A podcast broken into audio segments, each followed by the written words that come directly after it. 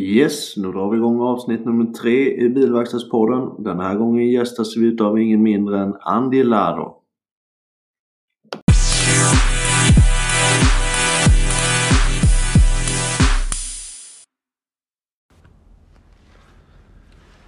Ja, då hälsar jag dig Andy Lado välkommen till eh, Bilverkstadspodden.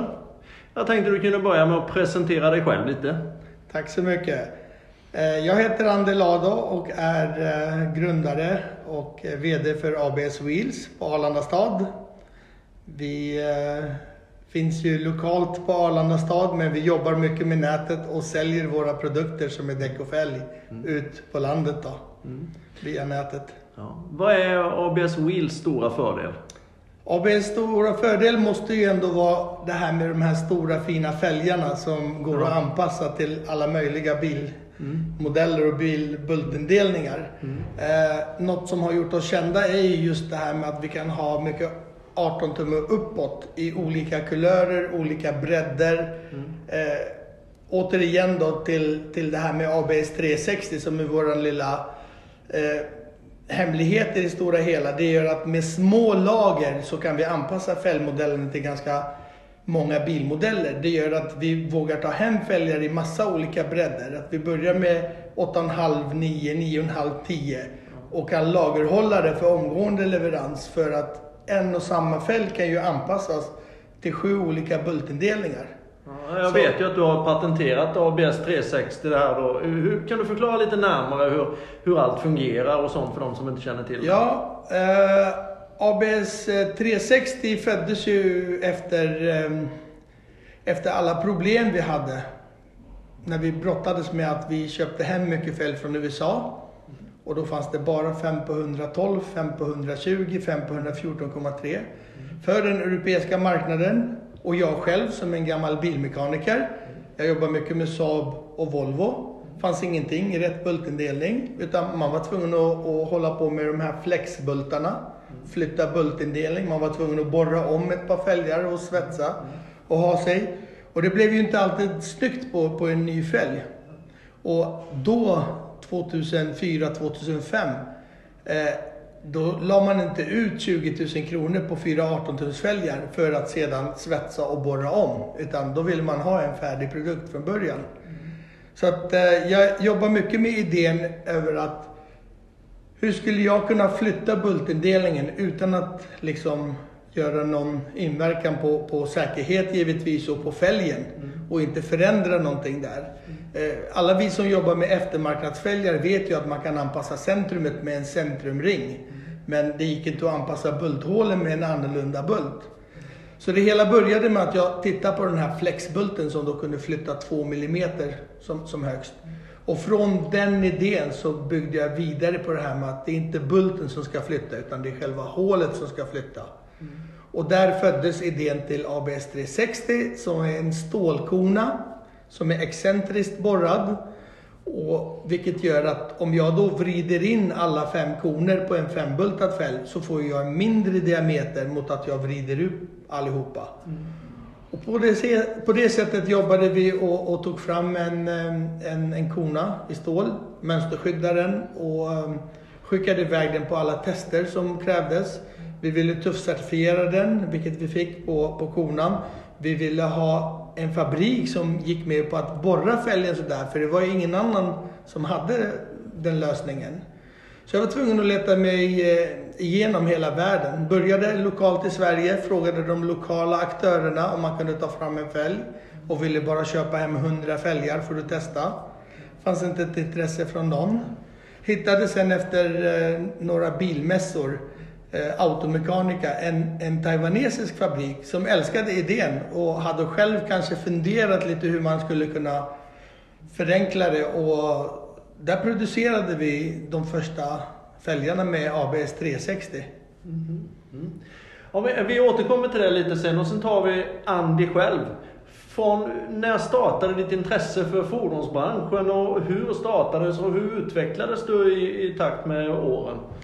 Ja, jag eh, är ju uppvuxen här i, i Märsta. Eh, Så att eh, jag flyttade till Sverige 1986. och gick då grundskolan. Är född i Beirut. Eh, Efter, eh, efter att ha gått klart grundskolan så halkade jag väl in på fordonslinjen och jag tror att det var mycket med att man fick, man fick utbilda sig till att, eh, till att ta körkortet. Det ingick i, i programmet så att säga.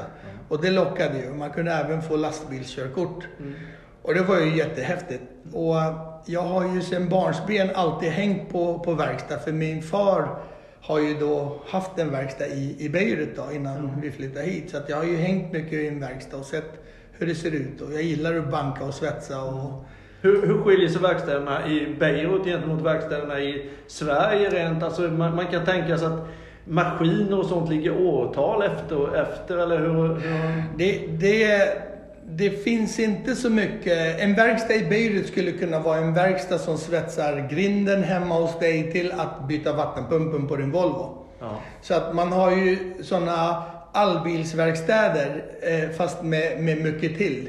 Eh, en, en verkstad skulle kunna klä om klädseln i din bil till att byta däck och fälg. Så att man har väldigt bred kunskap om, om man är väldigt händig om man nu startar en verkstad. Så, numera så finns det ju auktoriserade bilmärkesverkstäder. Men flertalet av verkstäderna det är att Ja, han som säljer däck och fälg runt hörnet, han kan även komma hem och tapetsera hemma hos dig. För han är ju mekaniker och då ingår det allt. Ja. Så det, det har man inte så mycket utav här i Sverige, utan här ser vi skillnaden mellan att antingen är jag auktoriserad och jobbar ett bilmärke, eller så jobbar jag som en Mekonomenverkstad som har flera bilmärken. Så att det är väl den främsta stora skillnaden mellan en verkstad i Mellanöstern och en verkstad här. Och efter gymnasiet, vad hände, vad hände för dig sen? Hur gick du vidare? Det var ju fordonslinjen då som gällde. Eh, På min tid så var det två år och då gick jag på Arlanda gymnasiet. Eh, Efter att ha gått klart utbildningen tyckte jag att det var otroligt tråkigt att börja jobba för jag hade börjat praktisera och sommarjobba på Saab Opel. Eh, Så att jag var lite rädd för att börja jobba. Det var mycket roligare att, att spela fotboll och hänga med kompisarna Ja. så att jag fortsatte ett års påbyggnad som flygelektriker eh, elektriker i Upplands Väsby. Mm. Men eh, när det året tog slut, då var jag tillbaks på den platsen som jag först började praktisera. Min, min fordonsutbildning. Så att eh, jag halkade tillbaks på Saab Opel och blev kvar där som bilelektriker i sju år. Mm. Innan det var dags för mig att starta eget. Mm. Hur kom, hur kom du på idén att starta eget? Och är det var det för att du inte ville vara anställd utan att du ville utveckla dina egna idéer? Eller hur? Jag hade ju ett jätteintresse för det här med bilstyling. Jag ville by- by- bygga bilbaslådor. Jag ville sätta neonlampor under bilen. Jag ville ju trimma motorer. Jag ville ju hålla på med allt annat. Och där hade jag ju en otroligt grym eh, dåvarande chef som, som fick... Vi fick stanna kvar på alla vardagskvällar. Mm. Och, och han kallade det då för hobbymeck. Eh, det gick till en gräns då jag liksom både var kvar själv varje kväll, även helger, och engagerade mina medmekaniker. Ja. Så vid någon kväll så kom han in till jobbet och så sa han så här, inser du att du har sju bilar inne samtidigt på någonting som vi kallar för hobbykväll? Och det är dags för dig att starta eget. Ja. Och jag hade då under säkert ett helt år hållit på sådär att jag hade så mycket jobb med kompisar och bygga baslådor och, och liksom trimma motorer och sådär att jag grejade inte allting själv. Så jag hade mer att göra kvällstid än vad vi hade att göra på dagtid. Och det bytte vi mot att varje eftermiddagsfika på, på dåvarande ställe hade vi bullar och dricka och på fredagar hade vi öl och allt vad det där var sånt som vi bytte oss mot, eh, mot att vi bytte olja på en bil eller att vi Ja. ställde förgasare på en annan bil. Så att Ja. vi, vi visste inte hur man tog betalt utan vi tog eh, bullar som betalt och, Ja. liksom köp hem en platta öl så, så byter vi däcken åt dig, Ja, brukade jag ja, säga. Men det gick till en gräns där det inte var hållbart längre. Jag förstår det idag mer än vad jag gjorde då. Jag tyckte han var taskig mot mig för jag tyckte att verkstaden står ju ändå här och vi gör ju vårt jobb under dagtid. Men eh, han sa till mig att nu, nu är det dags för dig att starta eget. Så att nu får du nog börja leta annat. Och, eh, och eh, även om jag, det gjorde mig ledsen i början så förstod jag att det här var den enda utvägen. Jag ska få starta eget och hålla på med det jag älskar. Ja. Så vi började med att jag När jag startade eget så var ju jag den som monterade alla larm eh, i bilarna. Ja. På den tiden när du köpte en ny bil, då fick du i bästa fall en centrallåsstyrning. Mm. Eh, det ingick inga billarm utan Nej. jag var ju den som då monterade larm på, på Saab Opel. Och um, vad, vad som hände var att eh, de började skicka jobb till mig. Så jag hade jobb från dag ett när jag hade startat eget. Ja. Men jag ville ju fortfarande hålla på med det här med styling och, och allt runt omkring. Vi började bygga billjud och lärde oss ta betalt och lärde oss om garantier. Mm. Så jag fick ju liksom lära mig väldigt mycket de första åren. Men sen trillade poletten på plats när vi, när vi köpte hem en container med kromade fälgar. Mm. Eh, och den sålde slut på första veckan. Mm. Och på den tiden var man ju tvungen att, att ha mycket kompisar i branschen och Ja. mun till mun och gula tidningen Ja. fanns. Och, Ja. och, men, men det sålde slut så snabbt så att jag fick en blodad tand till att det här med däck och fälg, det är ju hur enkelt som helst. Och på den vägen fortsatte det. Du har ju uppenbarligen lyckats med tanke på när man kommer in i receptionen här och ser alla dina gasellpriser. Och ni blev väl i år va, om jag inte missminner mig? År. 2019 var vi 2019. årets företagare i kommunen. Ja. Och mästargasell också. Mästargasell efter tre år i rad. Så det där är en otroligt eh, grym känsla och det är en liten klapp på axeln. För jag skulle vilja säga det att eh, om man nu ska lyfta lite nackdelar kanske är fel att säga, men om det här med att vara egen företagare, det är väldigt ensamt Mm. många gånger. Du skulle mycket gärna vilja ha partners som du jag vet inte om jag, om man backar bandet, om jag skulle ha gjort saker och ting annorlunda. Men det är klart att man önskar att man var kanske några delägare som man delade på ansvaret och delade även på, på alla baksidor med att vara egen företagare. Mm. Idag känner man ibland att man vill gärna ha någon att diskutera med. Mm. Men det är ju inte direkt att man lyfter på luren och pratar med sina kollegor i branschen Nej. eller man pratar med någon som är utanför branschen för att få något vettigt. Utan man får lära sig mycket själv och man får ha mycket man får jobba mycket på företaget, om inte mer än det man jobbar i företaget. Mm, mm. För att komma på mycket saker och, och, och köra. Du är ju, du är ju, märker jag ju på dig, och att en, en väldigt social människa, en väldigt social person. Hur, hur går det in, när du, när du behöver anställa, hur gör du då? Är det internt eller, hur, eller letar du bland vänner och kompisar? Eller hur, hur? Vi har ju vuxit som bara den senaste fyra fem åren. Så att i början så var det väldigt mycket internt. Mm. Men ehm, jag är otroligt lyckligt lottad som ändå får jobba med några av mina barndomsvänner. Killen som mötte dig i, i, i receptionen, Mm. det är en barndomsvän. Det var min fotbollstränare. Ja. Eh, killarna som jobbar på lager, det är sådana som har lirat i backlinjen med mig i fotbollen. Jag Ja, ja. refererar mycket till den korta tiden som jag spelade fotboll. Där jag liksom, som 18-åring så ville du bli stjärna direkt Ja, och ja. skulle bara spela fotboll Ja. och, och inte brydde dig om något annat. Men jag, är, jag har några med mig ända sedan starten så att säga. Som har varit mina barndomsvänner, min fotbollstränare bland annat. Och, och mina lagkompisar som jobbar med mig. Men de senaste tio personer som vi har anställt har ju varit ute på, på arbetsmarknaden och sökt oss till rätt kompetens och rätt folk som vi vill ha med oss. För att komplettera teamet så att säga. Mm. Jag måste ställa en mer privat fråga nu då. Du är väl bajare förmodar jag då eller? Nej, tyvärr inte. Du är det utan inte. hjärtat bankar gult och svart. Ja, okej, okej. AIK, AIK. Ja, eh, vi pratade lite om, eh, om konkurrens eh, och sånt här och många eh, ser ju det som lite jobbigt när det är flera aktörer på marknaden givetvis. Men hur, hur ser du på det här med konkurrens? Och, Jag tycker att det är jättebra. Jag tycker att det ska finnas en konkurrens för det pushar oss allihopa till att göra bättre ifrån oss. Men jag skulle vilja ha mer konkurrens på lika villkor. mm, Nu var jag lyckligt lottad som fick komma till ett land och fick gå en, en gymnasieutbildning och fick lära mig hur det var att meka bil och fick lära mig hur det här med däck och fälg. Men jag har ju otroligt mycket kollegor i branschen som startar upp utan att ha någon vetskap eller någon utbildning i det de håller på med. mm, Och där, där får ju jag lite svårt att, att, att smälta. För ska vi, ska vi tävla så ska vi tävla på lika villkor och så ska vi tävla om service. Vi ska inte bara tävla om pris, vi ska inte bara tävla om annat. Utan jag vill gärna se att, att Sverige har någon form av certifikatkrav eller någon form av utbildningskrav. Mm. För du skulle inte få åka och starta en tandläkarklinik Nej. utan att ha gått en utbildning. Mm. Och tyvärr är det så i fordonsbranschen känner jag att både bilverkstad och däckverkstad är alldeles för lätt att starta upp utan någon som helst kontroll på vad man Mm. behärskar. Och man har ju haft flera, flera fall, tyvärr ska jag säga, där, där på grund av eller ska jag säga så här, det har ju skett en massa olyckor som vi hade kunnat undvika om man hade haft en utbildning på plats, om man hade vetat vad man håller på med. Då är du alltså förespråkare för godkänd bilverkstad, GBV? Jag är mycket för godkänd bilverkstad. Jag är mycket för att det ska finnas en däckskola. Ja. Eller om, om det nu är så att det ska finnas en skola för bilmekaniker där man kan efter ett år rikta in sig mer på däck och fälg. Ja, nej, men det är jätteintressant. Det är jätteintressant tror jag. Vad, vad, vad ser du som branschens största utmaning? Vad är det för något som verkstäderna har att kämpa med nu framöver när det gäller utveckling och sånt där? Och, och eh, ja, inom däck och fälgbranschen, vad, vad är det man bör satsa på?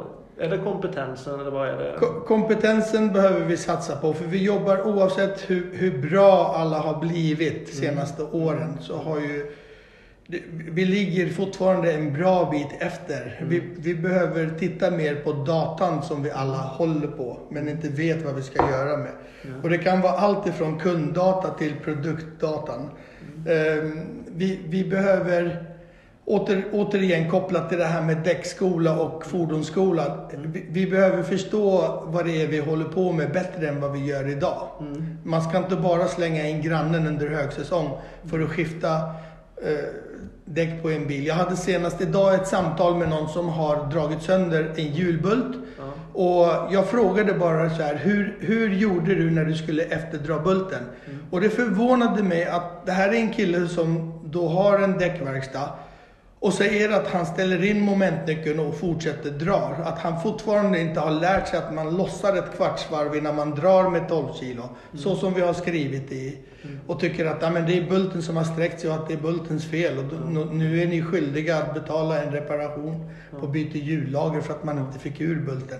Och, och det är det som man liksom blir förvånad över. Att det fortfarande drivs idag eh, däck och bilverkstäder där man inte har alls koll på vad det är man gör och hur man ska göra. Nej, nej. nej, jag förstår det. Jag förstår det. När det gäller då själva stylingbiten och designbiten, vad, vad, vad är nu då privat ifall du fick välja? Är det en stark motor eller är det stora fälgar på bilen? Och vad är, vad är i sådana fall eh, det absolut bästa man kan sätta på bilen och finaste? F- får jag välja båda? Ja, självklart. Det är klart att vi ska...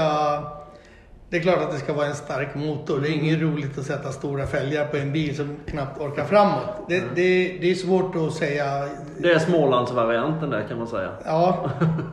Eh, gärna stark motor, men det behöver inte bara vara stort, utan en snygg fälg i mindre storlek så att det ser propert ut på bilen. Det är många som beställer stort, det ska vara 21 och 22 tum för att det funkar på bilen. Men du tappar ju så mycket annat. Väghållningen försämras och, och liksom bilen är inte riktigt byggd för 22 tum. Men det ser väldigt bra ut och jag är lite emot det där. Jag köper hellre ett par snygga 19-tummare där jag får bibehålla all prestanda i bilen och att det känns skönt att sitta och åka i bilen. Ja. Ja. Eh, ABS Wheels är ju ganska nischat. Ni har ju otroligt fina fälgar och väldigt designade och jag förmodar att du har den största fingret i spelet där. Vilken ålderskategori utav eh, kunder har ni? Är det allt ifrån 18 till eh, 60 år eller? vad- Vi, vi säljer från, allt ifrån 18 till 60 år på Ja. nätet. Men de som köper en ABS-fälg, det är majoriteten är mellan 18 och 32 år. Mm. Och det är sådana som precis har köpt en bil. Det behöver inte vara en ny bil utan det kan vara att det är någon som har eh, åkt och köpt en begagnad bil och då fått för sig att ja, den ser lite tråkig ut på de här fälgarna men om jag nu lägger till ett par 19-tummare så kommer bilen se mycket häftigare ut. Så att vi är väldigt starka och går hand i hand med bäggbilsförsäljningen. När du ser att marknaden har dippat lite grann på bäggbilsförsäljning då kan du gissa att det har även dippat på eftermarknad på, på styling och tillbehör. Så att vi går väldigt mycket hand i hand och, och som sagt, vi är starkast där. Och det har mycket att göra med att hos oss hittar du fälgar som är röda, gråa, brons, silver. Eh, I och med att vi inte har några mellanhänder, att vi måste gå till en fabrik och köpa in våra fälgar för att få dem preppade för ABS 360. Det ger mig friheten till att beställa precis vilken kulör vi vill. Mm.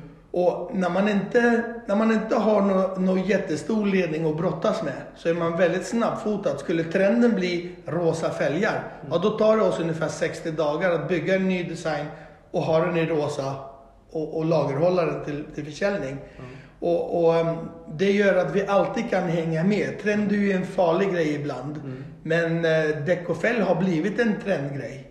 Förr hade du kunnat en, haft en fälgmodell i fem år utan att få förfrågan om när kommer nya modellerna ut. Idag säljer vi en uppsättning däck och fälg och i och med att vi är så bra på att lära läsa datan som vi behåller på kunderna så ser vi att samma kund har ju kommit tillbaka och det har bara gått nio månader. Ja. Och så har han bytt bil och frågar på när kommer nya modellerna in. Så livscykeln på en fälg har ju blivit betydligt kortare. Och särskilt på de här som är lite trendiga med de här olika färgerna. Ehm, Ja. ja. Men vad, vad är din, eh, om man säger, tittar på företaget ABS Wheels, eh, vad är din målsättning, vad är din målbild för framtiden? Hur, hur ser du på det? Ska ni bredda sortiment eller öka omsättning? Alltihopa givetvis, men vad är huvudfokus för din, verksamhet och för dig? Vi startade hemsidan 2011. Så att även om bolaget har funnits längre än så, så har ju det här nytänket börjat någon gång runt 2011. Och då sa jag så här att vi ska försöka växa i bolaget, men jag har ett önskemål. Vi ska alltid försöka ha 10% på sista raden. Och vi kommer inte dubbla några omsättningar från år till år. Så mitt önskemål är att vi ökar med 20%. Och ökar du med 20% fyra år i rad så har det din 100-procentiga tillväxt. Och Fast vi du- har lyckats. Och du har bibehållit marginalen? Vi har bibehållit marginalerna och, och vi har lyckats att öka med 20%. Nu har vi precis passerat 100 miljoner i omsättning och jag förstår att det kanske är svårt att bibehålla det genom att bara sälja i Sverige. Så nästa steg för ABS Wheels för att vi ska fortsätta vara hälsosamma, växa hälsosamt och fortsätta med den här 20-procentiga. Vi är ganska ödmjuka där. Vi går inte ut och trummar högt och säger att vi ska öka med 50 eller 100. Nej. Utan vi säger så här, jag är nöjd om vi ökar med 20%. Bara det liksom ser bra ut även på sista raden och att personalen mår bra. För eh, det är mer viktigt än att bara öka i omsättning snabbt och inte veta vart man ska.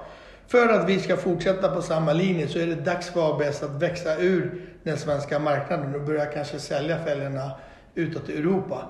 Vi gör det redan idag, fast vi gör det med väldigt konstiga former. Det är en svensk hemsida, man kan bara betala med kreditkort. Ja. Eh, Klarna är inte inkopplat, Svea Finans är inte inkopplat. Där skulle vi kunna göra det lite lättare för den utländska marknaden att handla från oss. Ja. Och på så sätt så kommer ABS fortsätta att växa. Dels i trafik. Så fort vi kopplar på ett nytt land så har vi ytterligare 35% ökning i trafik. Och sen så kanske vi kan räkna hem affären redan andra året. Ja. Den investeringen vi väljer att göra, den kommer vi kunna räkna hem år två. Och, och där har vi liksom väldigt, väldigt datadrivet valt ut x antal länder där vi vet att det kanske är jätteenkelt att, att börja sälja till Finland. Men, men att investera i Finland och investera i Holland kostar ungefär lika mycket. Men return on invest som man kallar det är betydligt högre i Holland än vad det skulle ha varit i Finland. Så då blir det väldigt enkelt för oss att veta att det är den här vägen vi ska ta först. Och sen är ju målet då att kunna finnas i, i hela Europa inom 3 till 5 år. Härligt, härligt. Jag hör ju på dig och förstår att du jobbar otroligt mycket. Finns det någon fritid för Andy? Har du, vad sysslar du med på fritiden? Som, Jag har eh, tre pojkar. ja, fotboll? Eh, handboll på den äldsta, Ja. på elitnivå. Han har ju hunnit bli 18 år snart. Mm. De yngre spelar fotboll. Så att jag, mycket av fritiden är skjutsa, hämta, lämna, träning, Ja, ja. match. Men du hinner med i varje fall? Och jag hinner med det. Jag har ju roligt med, med grabbarna och föräldragruppen som är med i, i teamen. Så att det, det är väl min fritid. Mm. Så att eh, hade man kunnat haft någon extra timma till så hade man kanske kunnat åkt och tränat själv. Så att, eh, det är väl det jag saknar lite grann. Mm. Jättetrevligt att få träffa dig Andy och jag önskar dig all lycka i framtiden. Tack så mycket. Stort tack. Tack.